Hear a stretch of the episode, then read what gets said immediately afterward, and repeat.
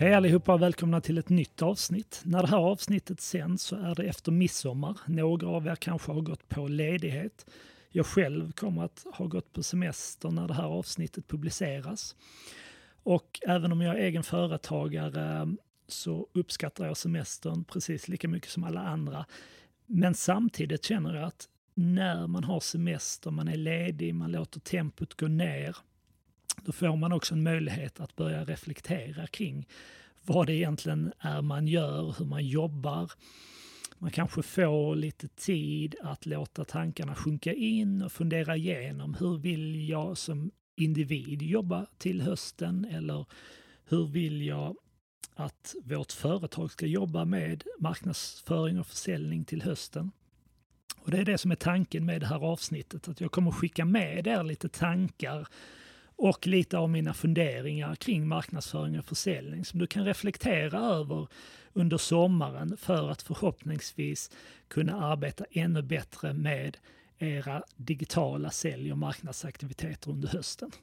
Så jag anser att det har skett en stor förändring vad gäller marknadsföring och försäljning under sig de senaste tio åren och som i synnerhet nu har påskyndats av pandemin med allt vad det innebär, hur vi kommer att agera som kunder och säljare framöver. Det man länge har pratat om det är ju det här att kunderna idag har tillgång till så mycket mer information än man tidigare har haft. Och jag tror också detta har gjort att kunderna är mer kunskapstörstiga än tidigare. Alltså man försöker bilda sig en uppfattning om vilka problem och utmaningar man står inför. Man tittar efter lösningar på de här problemen och man gör den researchen och det arbetet i stor del på egen hand med hjälp av de digitala kanalerna. Och det är så oerhört enkelt idag som kund att tillförskaffa sig väldigt mycket information. Och sedan då också intåget av sociala medier har ju gjort att vi som kunder idag och, och även, jag tänker även kanske ännu mer på grund av Google, är ju att man som kund då själv väljer när, var och hur man vill interagera med företag. Och med det menar jag också att vi som företag måste förtjäna en plats i kundernas nyhetsflöden. Och om vi inte är relevanta i vår kommunikation i de här flödena, då kommer våra kunder helt enkelt att välja att inte följa oss eller kanske ännu värre att avfölja oss om de känner att nej, här är ett företag som bara pratar om sig själva, som bara gör reklam för sina produkter och tjänster och som egentligen inte tillför något värde eller någon nytta för mig som kund genom deras kommunikation. Och här har man ju också sett på många undersökningar som är gjorda att som business to business-kund så agerar vi på samma sätt i vår köpresa som vi gör som privatpersoner. Alltså att vi använder de digitala kanalerna för att göra research inför ett köpbeslut. Och man ser även att det är en stor andel av business-to-business-kunderna som föredrar att göra den här researchen på egen hand istället för att prata med en säljare. Det som också jag tror är viktigt att reflektera över det är ju att när vi tittar i sociala medier och funderar kring vilken kommunikation ska vi, ehm, ska vi ehm, eh, använda oss av i de här kanalerna så tänker man kanske inte på att det är inte bara våra konkurrenter som vi konkurrerar gentemot. Det är inte bara andra företag som vi konkurrerar gentemot. Utan konkurrensen består framför allt av att du ska ta en plats i ett flöde som konkurreras och domineras av inlägg från dina kunders vänner, från deras familj och från deras största intressen. Så vi har ju en, en väldigt polariserad eh, som säger, bild av verkligheten idag. Att är det så att man är intresserad av politik, då består en stor andel av de inlägg man ser i sociala medier av politiska inlägg. Likadant om man är intresserad av cykling exempelvis, då kommer man se ett, ett stor, stor andel inlägg som handlar om det eller som handlar om träning exempelvis. Och det gör ju att vi måste fråga oss själva, hur kan vi ta fram en så pass relevant kommunikation för våra kunder att vi förtjänar en plats bland den konkurrensen som är stentuff. Och här anser jag att lösningen på det är att skapa content och innehåll som upplevs som relevant, intressant och kanske framförallt användbart för era kunder. Att du och ditt företag ser er själva som en resurs för era kunder som samlar in och delar med er av innehåll som ni ser är relevant för era kunder. Andra saker som jag ofta hör våra kunder prata om, i synnerhet de kunder jag kommer ut och träffar för att göra social selling-utbildningar för, alltså olika sälj och marknadsavdelningar, framförallt inom business to business då. De beskriver ofta att det idag krävs fler telefonsamtal för att nå beslutsfattarna. Man får inte komma ut och träffa kunderna på samma sätt. Och här kan man också ställa sig frågan vad som nu händer efter pandemin där man redan nu hör att företag säger att vi kommer att arbeta kanske 60% på kontoret. Vi kommer att arbeta resterande 40% hemma. Jag har till och med hört om företagen som säger att vi kommer inte ta emot några fysiska säljmöten från leverantörer på vårt kontor utan den kontakten kommer företrädesvis ske via digitala kanaler. Så att jag är övertygad om att begrepp som virtuell försäljning, den typen av eh, metoder kommer vi förmodligen prata allt mer om den kommande tiden. Och här blir ju då också metoder som social selling väldigt intressant i kombination då med content marketing och så vidare. Alltså hur hittar vi de här sätten där vi kan påverka och bearbeta kunderna när vi inte får möjlighet att komma ut och etablera en, en relation med kunden. Så vi har alltså en situation där vi behöver titta på, okej, okay, vad är de mer traditionella säljaktiviteter vi gör? Vi kanske kommer i höst för, förhoppningsvis finnas på en del mässor. Vi gör våra telefonsamtal, vi gör våra möten, vi gör de här lite mer traditionella säljaktiviteterna. Men vi behöver komplettera kundens köpresa med att börja bearbeta dem på olika sätt i den här processen som kunden spenderar på egen hand. Jag kommer lägga till en bild i anslutning till det här avsnittet som lite synliggör själva köpresan och det som vi behöver komplettera den här köpresan med. När man då tittar på liksom, vad, vad har vi för verktyg, vad, hur ser den verktygslådan ut för business to business för att komplettera våra mer traditionella säljaktiviteter så skulle jag säga att det är framförallt fyra hörnstenar i den strategin, eller fyra olika metoder som vi bör hitta ett arbetssätt kring. Och det kanske mest centrala i, i de, bland de här fyra hörnstenarna är att jobba med ett innehåll som är relevant, användbart och intressant för våra kunder. Alltså där vi som leverantör eller som säljare bidrar med ett innehåll som skapar värde och nytta för vår kund. Det kan vara innehåll som hjälper, utbildar, inspirerar. Det kan även vara underhållande innehåll.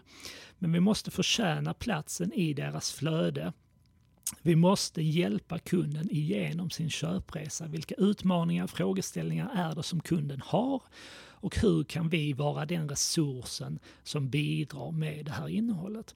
Och här har man ju sett i undersökningar att de företagen som lyckas ta den positionen har en högre sannolikhet att stänga fler affärer i slutändan. Om man lyckas etablera det förtroendet som det kommer innebära hos kunden som går igenom köpresan där man blir den resursen som till, tillhandahåller eh, svar på olika frågeställningar som kan tänkas dyka upp kring en utmaning som kunden har. Så att content är en central del i den här lösningen. Sedan behöver vi komplettera det med lite andra metoder. Vi vill ju naturligtvis att när kunden gör sin research på egen hand, de kanske använder Google, ja men superviktigt att den content vi producerar, att vi ökar sannolikheten för att den content visas i sökresultatet så att kunden kan upptäcka vårt företag och sedan konsumera det innehållet som vi har tagit fram. Sedan vill vi ju inte bara att kunden ska konsumera det innehållet, gå tillbaka till sociala medier eller gå tillbaka till Google och fortsätta sin research, utan vi vill ju knyta den här kunden till oss på olika sätt.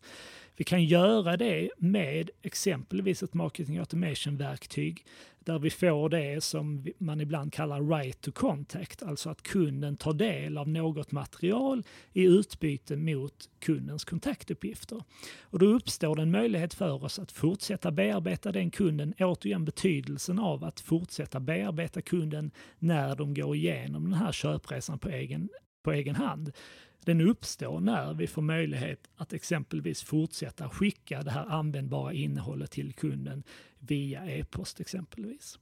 Fördelaktigt också om det här marketing automation-systemet kan vara kopplat till vårt CRM-verktyg. För då kan det bli väldigt tydligt för oss att de nya kunder vi genererar, den omsättningen vi genererar på de kunderna, de kan vi koppla till de här digitala aktiviteterna som vi har genomfört. Det fjärde området som jag ser är väldigt viktigt bland de här fyra hörnstenarna, det är ju sociala medier och social selling. Alltså att nå ut via individer i sociala medier, alltså hur kan vi som säljare agera i kanaler som exempelvis LinkedIn för att knyta till oss kunder eller för att få spridning av det här innehållet vi tar fram. Vi kan använda annonsmöjligheter som exempelvis retargeting-annonsering för att nå personer som vi vet har visat ett intresse för våra produkter och tjänster. Samtidigt som vi kan använda de annonsmöjligheter som exempelvis finns på LinkedIn där vi verkligen kan prickskjuta beslutsfattare i de branscherna som vi vill nå. Så att det här är liksom eh, grunden i den verktygslådan som jag ser kan bemöta den här utvecklingen som vi ser. Alltså att vi jobbar med content, vi säkerställer att den content dyker upp i sökmotorerna. Vi jobbar med marketing automation-verktyg för att kunna identifiera potentiella kunder som vi sedan kanske behöver bearbeta på ett mer proaktivt och traditionellt sätt, exempelvis genom att lyfta, lyfta luren och ringa kunden eller att kontakta via e-post. Och sedan då också att vi har en etablerad närvaro i sociala medier där vi både som säljare och individer finns i kundernas digitala vardag och vi kompletterar det med en digital annonsering för att fortsätta bearbeta intresserade kunder genom retargeting-annonsering eller för att öka medvetenheten hos de kunder som ännu inte har upptäckt er content. Ja, men då kan vi göra det genom riktad annonsering i sociala medier. Det kanske också är viktigt att betona att de här digitala aktiviteterna som din sälj och marknadsavdelning kan börja göra mer av under hösten ska ju vara ett komplement till de aktiviteterna som ni gör i dagsläget. Men det menar jag att det kan ju vara så att ni i höst får en initial kontakt med en kund på en mässa. Säljaren väljer att lägga till den personen på LinkedIn och sedan finns den personen där och tar del av det innehållet som ni publicerar den här personen kanske börjar följa er företagssida på LinkedIn där de sedan lite senare ser att ni kommer ha ett relevant webbinarie där, de, där ni kommer delge kunskap och värde som är värdefullt för den här kunden. Kunden kanske fortsätter genom att ta del av era kundcase och därefter visar ett intresse Eh, hos en säljare för att inleda en dialog kring en eventuell affär. Och där påbörjas då en mer traditionell säljprocess. Jag tänkte även skicka med er lite tankar om, om vi nu pratar om att spelplanen förändras och vi kanske ser att den förändras ytterligare och det går, den här förändringen går ännu snabbare nu med tanke på pandemin. Hur kommer vi att behöva agera till hösten?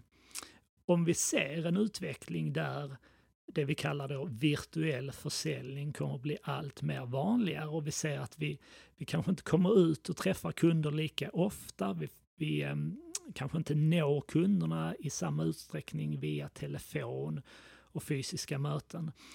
Ja, men vilka digitala aktiviteter behöver vi ägna oss till?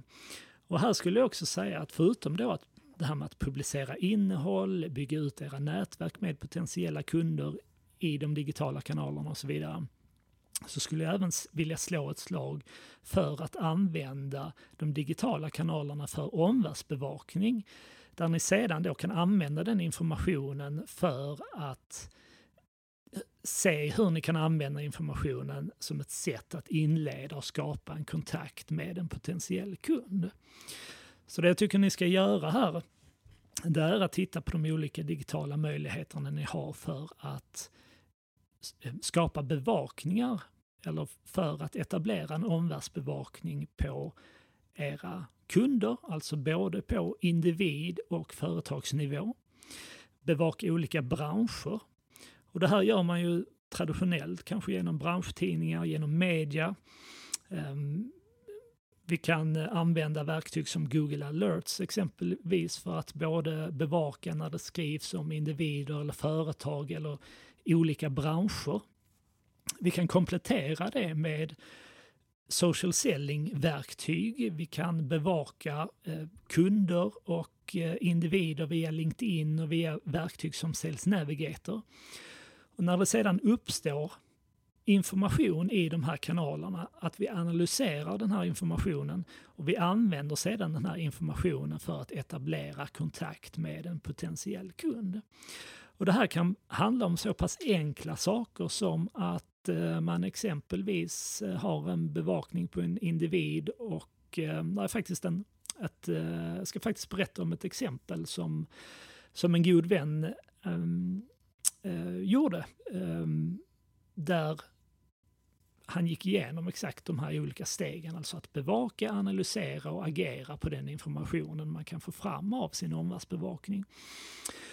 Och det var att eh, det fanns en person i, eh, som den här, eh, min vän då, hade en bevakning på. Och då visade det sig att den här personen hade blivit av med sitt jobb under pandemin. Som gjorde att min vän då valde att rekommendera den här personen till ett företag. Och det här ledde sedermera till att det här företaget valde att anställa den här personen som i sin tur gjorde den här personen eh, väldigt tacksam för att min vän hade gjort den här rekommendationen. De etablerade en relation och en kontakt via LinkedIn som sedermera ledde till en affär. Så att det kan vara så pass enkla saker att visa intresse, bry sig om de personerna man har i sitt nätverk eller de personerna man bevakar och sedan använda den informationen för att etablera en kontakt.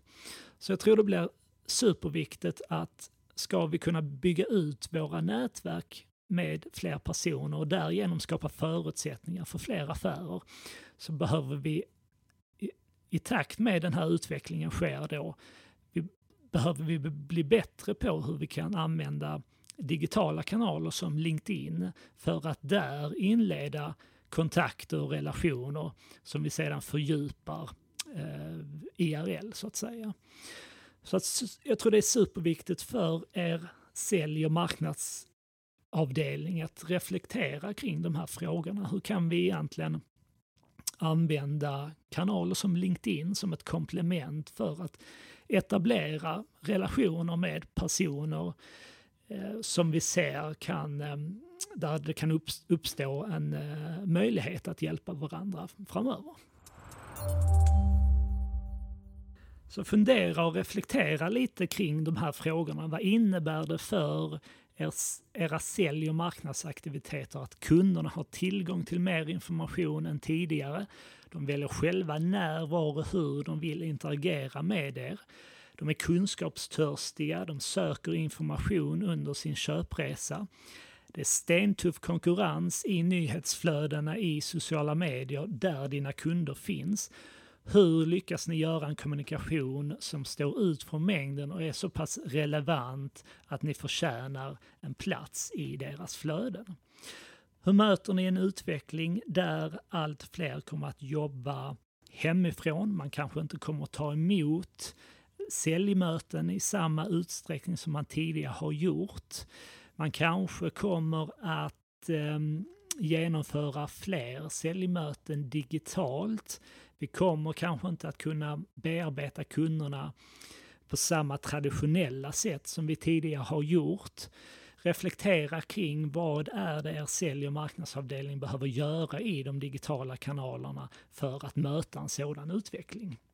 Om ni inte redan har gjort det, börja fördjupa din kunskap kring de här begreppen som jag har pratat om. Content, alltså content marketing. Hur skapar vi det här värdeskapande innehållet? Hur blir vi den här resursen för kunden som kan tillhandahålla innehåll som hjälper kunden genom köpresan? Reflektera här också över kring vilka frågor och utmaningar som uppstår hos kunden i olika delar av kundens köpresa. Det kan även vara så att ni behöver ett utbildande innehåll. Det kanske finns många potentiella kunder där ute som inte vet att det finns ett bättre och mer lönsamt sätt att arbeta på. Vilken typ av content kan ni ta fram för att utbilda kunderna kring de möjligheterna? Vilken typ av content behöver de kunderna som är med på tåget och som har förstått att de behöver jobba på ett annat sätt och som kanske nu letar efter svar på andra typer av frågor. Börja titta på hur ni kan säkerställa att den här typen av content syns i sökmotorerna. Se över er sökmarknadsföring och säkerställ att ni syns på de sökningar som era potentiella kunder kan tänkas göra. Titta på marketing automation-lösningar för att kunna identifiera vilka kunder som interagerar med ert innehåll och för att ni ska kunna fortsätta bearbeta de här kunderna med ett relevant innehåll. Titta på hur er sälj och marknadsavdelning kan börja jobba med metoder som social selling för att säkerställa att ni även syns för kunderna i deras digitala miljö. Titta på hur ni kan använda annonsmöjligheterna i sociala medier för att exempelvis på LinkedIn nå beslutsfattare i de specifika branscherna som ni vill nå med det här kontot som ni tar fram. Så att ni märker att vi kombinerar olika metoder. Vi pratar inte bara social selling utan ni får större effekt av er, era social selling-insatser om ni har ett värdeskapande innehåll att backa upp de insatserna med. Så det här var lite tankar och funderingar som du gärna får ta med dig under sommaren. Reflektera kring hur ni integrerar de här bitarna med hur ni arbetar i dagsläget. Så med det sagt så vill jag önska dig en riktigt härlig sommar. Jag ska försöka spela in ytterligare avsnitt här som jag kommer att publicera under sommaren. Och tills dess så får ni ha det så härligt och så hörs vi snart igen. Ha det bra!